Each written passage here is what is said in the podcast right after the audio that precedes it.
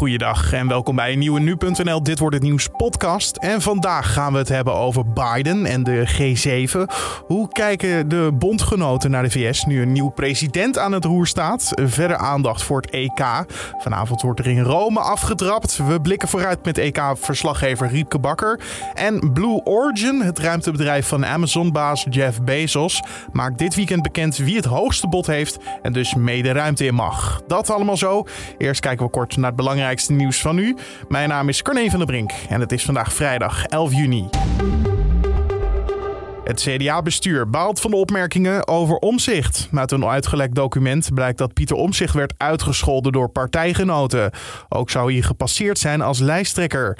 De tijdelijke voorzitter van de partij reageerde gisteravond, zo was te horen bij de NOS. Ja, zo spreek je niet over elkaar. Kwalificaties over Pieter Omzicht werp ik verre van mij. Dat is niet hoe wij om moeten gaan in het CDA. Een speciale commissie onderzoekt de lijsttrekkersverkiezing van de partij. Een document met alle onthullingen had Omzicht naar deze commissie gestuurd. De commissie Spies gaat eerst het huiswerk doen. En dan zullen wij daarover besluiten als partij op basis van de conclusies en aanbevelingen van de commissie Spies. Omzicht beweert dat hem beloofd was dat hij de jongen mocht opvolgen als lijsttrekker. Maar uiteindelijk is voor Wopke Hoekstra gekozen.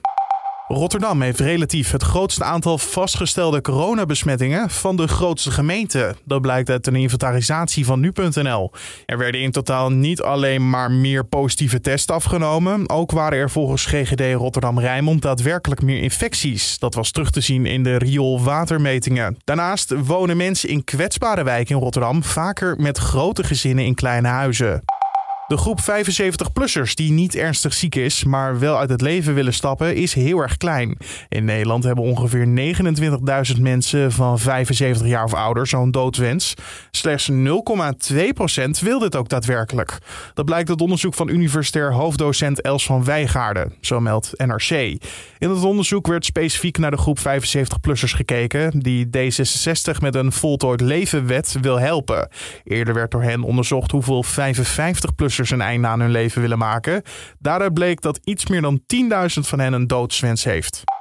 Het Verenigd Koninkrijk gaat 100 miljoen vaccins doneren aan ontwikkelingslanden. Premier Boris Johnson volgt hiermee het voorbeeld van Amerika. Zij gaan 500 miljoen vaccins doneren aan arme landen. In totaal zouden alle grote G7-landen een miljard doses beschikbaar willen stellen voor de vaccinatiecampagnes in ontwikkelingslanden. En dan over naar de agenda van vandaag. En dan zien we dat de Britse premier Boris Johnson vandaag de wereldleiders van de G7 ontvangt. Dat is de club van zeven landen met een van de grootste economieën in de wereld. Het wordt de laatste G7-top voor bondskanselier Angela Merkel, die zichzelf niet herkiesbaar stelt. En de eerste van de Amerikaanse president Joe Biden. De G7 bestaat verder uit Japan, Canada, Frankrijk, Italië en ook de Europese Unie is vertegenwoordigd. Johnson heeft daarnaast als gasten de leiders van Australië. India en Zuid-Korea uitgenodigd. Nou, we zoomen even in op Biden deze ochtend. Want zijn eerste keer als president bij de top. Wat staat hem dan te wachten? Je hoort Amerika-deskundige Diederik Brink daarover. Biden staat een heel druk programma te wachten. Hij gaat met de Britten praten over de speciale relatie die zij hebben. Johnson is niet zijn meest natuurlijke bondgenoot, dus die hebben toch echt wel wat met elkaar te bespreken. Ook over Noord-Ierland en de toegenomen onrust daar als gevolg van Brexit. En um, natuurlijk de, de, de, uh, een, mogelijk handelsakkoord tussen het Verenigd Koninkrijk en de Verenigde Staten. Um, hij heeft natuurlijk de top van de G7, waar zijn minister van Financiën het voorweek heeft gedaan om hopelijk te komen tot een gezamenlijk plan om internationaal uh, belastingontduiken aan te kunnen pakken. Uh, daarnaast zijn er natuurlijk voor die wereldleiders een hele hoop andere onderwerpen. Veiligheidsvraagstukken, denk aan de relatie met Rusland, de recente crisis met Belarus, et cetera, om die door te nemen. En vervolgens gaat hij ook nog eens Um, uh, daarna naar een NAVO-top en zal hij in de marges daarvan bijvoorbeeld praten met Erdogan over de situatie in Syrië en uh, in Afghanistan, hè, waar de Amerikanen zich uh, aan het terugtrekken zijn.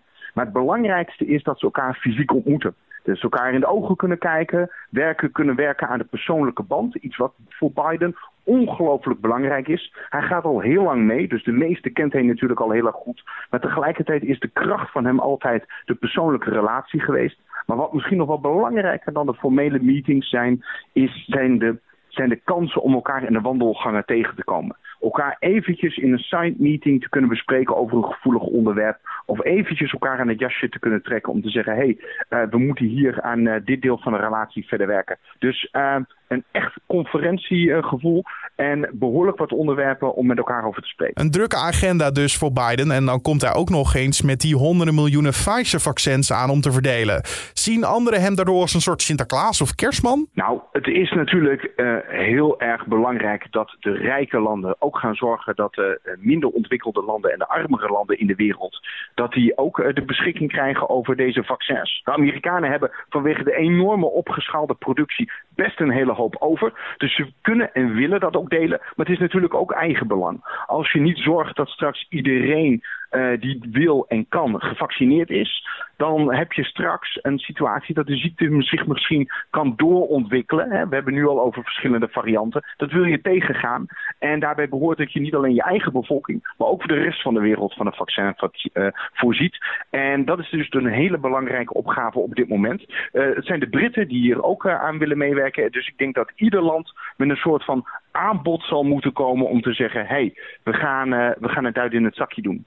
Een ander iets, hè, en niet echt Sinterklaasactie, maar wel proberen om de financiële relaties wat te verbeteren, hebben ze gezegd we willen terugstappen van zeg maar, de economische strijd uit de Trump-tijd, waarin handelsbelemmeringen en tarieven werden ingevoerd. Ze hebben net aangekondigd die wat terug te gaan schroeven. Dus ze gaan elkaar wat meer in de samenwerking, ook economisch, weer opzoeken. Vooraf aan de top zei Biden al meerdere keren dat Amerika weer terug is op het internationale speelvlak. Zien de andere landen de VS nu ook weer als een stabiele factor? Nou, dat is inderdaad een heel, heel terecht punt. Uh, Biden kan natuurlijk een heleboel wishful thinking hebben van kijk eens, we zijn terug naar het oude normaal. Dat was ook een deel van zijn campagnebelofte. Hè? Ik wil laten zien dat politiek ook weer inhoudelijk en, en betrouwbaar kan zijn. Hè? Dat was inderdaad zijn kritiek op Trump. Hij zei, ik ga die uh, bondgenootschappen weer versterken. We zijn oude vrienden en daar hoor je met een bepaalde manier met elkaar om te gaan. Alleen je kunt je afvragen of die vrienden dat verhaal kunnen geloven. Natuurlijk zullen ze weten, Biden is een uh, voor hen betrouwbare partner. Dat heeft hij bewezen als vicepresident en jarenlang als uh, buitenland betrokken uh, senator. Dus ze weten wat ze aan hem hebben. Maar ze weten ook dat als hij na een aantal jaren stopt of vervangen wordt, dat het niet zeker is dat daar weer een president is die die oude normen overneemt. Dus wat dat betreft is er een soort van onrust of onbetrouwbaarheid in de relatie met Amerika geslopen, in dat het nog meer dan anders afhangt van welke regering er in het Witte Huis zit. En nog meer dan dat, dat het ook betekent dat afspraken die je hebt gemaakt, zoals bijvoorbeeld de deal met Iran, waarbij ook Europese landen betrokken waren, dat Amerika zich plotsklaps in één keer terug kan trekken. Dus Biden kan nog, nog zo hard hopen en roepen van America is back. Uh, de allies willen dat eerst zien en ook geloven dat de Amerikanen, als er een handtekening onder staat, dat die ook echt wat waard is. Amerika-deskundige Diederik Brink hoorde je daar. Dan het EK. Want vandaag wordt in Rome de openingswedstrijd van het EK gespeeld tussen Italië en Turkije. Dat gebeurt in een stadion dat voor een kwart gevuld mag zijn vanwege de daar geldende coronaregels. We blikken vooruit samen met EK-verslaggever Riepke Bakker. Want de openingswedstrijd eh, heeft een oranje tintje. Makkeli fluit hem namelijk. Maar geeft zo'n eerste wedstrijd eigenlijk nog extra spanning voor zowel de landen als de scheids? Uh, nou, normaal gesproken wel. Want als een EK of een WK iets nodig heeft, dan is het wel dat het gastland lang in het toernooi blijft. Want dat zorgt voor een bepaalde sfeer in het land en een bepaalde vibe in het land. Maar we zitten nu met een toernooi in, 12, of sorry, in 11 verschillende landen. Ja, en dus uh, is die spanning er niet. Dus moeten we niet hopen dat het gastland het heel goed doet. Uh, ja, de spanning zit eerder bij. Gaat het corona technisch allemaal goed? dat is nu eigenlijk de vraag. Heel andere vraag dan vijf jaar geleden. Toen was het EK in Frankrijk en was de vraag: gaat het qua terrorisme allemaal goed? Uh, dus zo hangt er altijd wel iets om zo'n openingswedstrijd heen. En uh, ja, nu is dat corona. En dat lijkt wel, uh, tenminste laten we hopen dat het allemaal goed komt. Het EK is natuurlijk al uitgesteld vanwege corona. Nu dit jaar dan alsnog een mooie Europese strijd. Eentje die gespeeld wordt in verschillende landen, terwijl de pandemie nog niet achter ons ligt. Hoe zouden we dit EK dan kunnen omschrijven? Het is een heel raar toernooi, want we zitten eigenlijk nog met de erfenis van een de baas, namelijk Michel Platini. Die heeft ooit dit EK gewonnen. 60 eh, jaar uh, Europees kampioenschap voetbal. 1960 was de eerste editie. Nou, is 61 jaar geworden en daarom leek hen dit een leuk plan. Ja, het was natuurlijk um, met terugwerkende kracht is het een heel slecht plan geweest. Want in coronatijd is er niet zo lastig als reizen. Dus je zit nu met uh, ja, deels gevulde stadion. Je zit met heel veel bubbels. Je zit met misschien wel spelers die weg kunnen vallen door corona. Dat is als ik het negatief bekijk. Maar als ik het positief bekijk, en dat doe ik liever, nou ja, dan hebben we een prachtig feestje, een voetbalfeest. Na, nou ja, wat is het, bijna anderhalf jaar corona. Uh, we gaan weer iets meemaken, namelijk goed gevulde stadions. We gaan met z'n allen weer, nog net niet de straat op, maar we kunnen wel weer met z'n allen zo'n EK beleven. Helaas nog niet op grote schermen. Maar ja, dit is wel iets uh, ja, wat we lang niet hebben meegemaakt. En iets nou ja, na een toch wat uh, moeilijke periode moeten we dit zien echt als een, uh, als een mooi moment, als een eikpunt. Nog niet na de coronapandemie, maar wel een beetje tegen het einde. Eindelijk een Europees kampioenschap voetbal. Dan de favorieten. Wie staan allemaal in dat rijtje? Riepke kan het je vertellen. En natuurlijk hopen we stiekem dat Oranje daar ook in staat. Nou, ik kan wel zeggen, 5% kans hebben we om, uh, om Europees kampioen te worden. dat is niet iets wat ik zeg, maar dat heeft Grace Note, een databureau, aan de hand van heel veel cijfers berekend. En 5% is niet superveel. Uh, er zijn acht landen die, uh, die geven ze meer kans. Het meeste kans wordt België gegeven, 14%. Dan Frankrijk, dan Engeland met 12%. En dan Spanje 10%, Italië 9% en Portugal 8%. Uh, ja, we hebben gewoon op dit moment niet het allersterkste Nederlands elftal ooit. En tot overmaat van ramp is onze beste speler, Virgil van Dijk, ook eens geblesseerd. Maar als ik de mensen toch een beetje hoop mag geven, over het algemeen heb je echt een superteam nodig om wereldkampioen te worden. Maar bij een Europees kampioenschap, ja, geluk en fitheid lijkt het wel iets meer uit. 1992 werd Denemarken Europees kampioen. Ehm, vijf jaar geleden werd Portugal, wat een outsider was, Europees kampioen. Maar de allermooiste uh, was Griekenland in 2004. Drie maanden voor het toernooi versloeg Nederland Griekenland met 4-0. En zei Johan Derksen, ja, deze jongens hebben niks op het EK te, voetbal, te uh, niks op het EK te zoeken. Niemand zag het zitten in het land. Een beetje zoals het nu is met Oranje. Maar uiteindelijk werden ze wel tot ieders verrassing Europees kampioen. Dus wie weet wordt het ook voor ons een hele mooie historische zomer. Italië-Turkije is vanavond om 9 uur. Een live blog is te vinden op nu.nl. En de eerste pot voor Oranje is zondag tegen Oekraïne.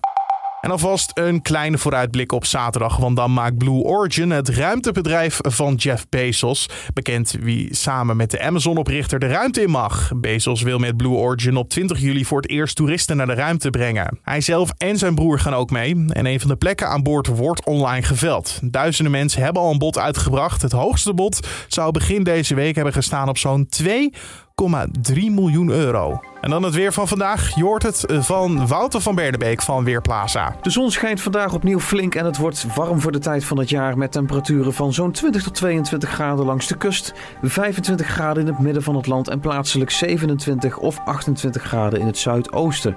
Daarbij staat een zwakke tot matige wind uit een noordwestelijke richting. Ook vanavond en vannacht is het vrij helder en het koelt af naar minimaal een graad of 11. Het weekend verloopt ietsje frisser met temperaturen vooral in de kustgebieden die wat lager uitkomen. Zo'n 18 of 19 graden op de Waddeneilanden en elders ruime 20ers tot maximaal 24 graden in het zuiden van het land. Daarbij overheerst de zon en het blijft overal droog. Na het weekend lijkt het opnieuw warmer te worden. Dankjewel Wouter van Bernebeek van Weerplaza. En om af te sluiten nog even dit. Want stellen stappen de komende tijd weer massaal in het huwelijksbootje. Nu de lockdown vrijwel voorbij is. Met name voor volgend jaar wordt er grote drukte verwacht. En dat is goed nieuws voor de branche, die vorig jaar naar schatting bijna 400 miljoen euro aan inkomsten misliepen. De trouwbranche verwacht dat stellen weer massaal gaan plannen als bij de eerstvolgende persconferentie verdere versoepelingen worden aangekondigd.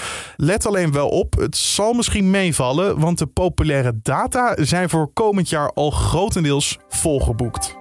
En met een boterbriefje sluiten we deze podcast af voor de vrijdag 11 juni. Je vindt ons in ochtend en middag op de voorpagina van nu.nl. En natuurlijk in je favoriete podcast-app. En dat nou, moet je denken aan een Spotify, Apple Podcast of Google Podcast. Help ons de podcast beter te maken door te mailen naar podcast.nu.nl. Ons mailadres podcast.nu.nl. Of een recensie achter te laten bij Apple Podcast. Mijn naam is Carne van der Brink. Bedankt voor het luisteren. Alvast een fijn weekend. En graag tot de volgende.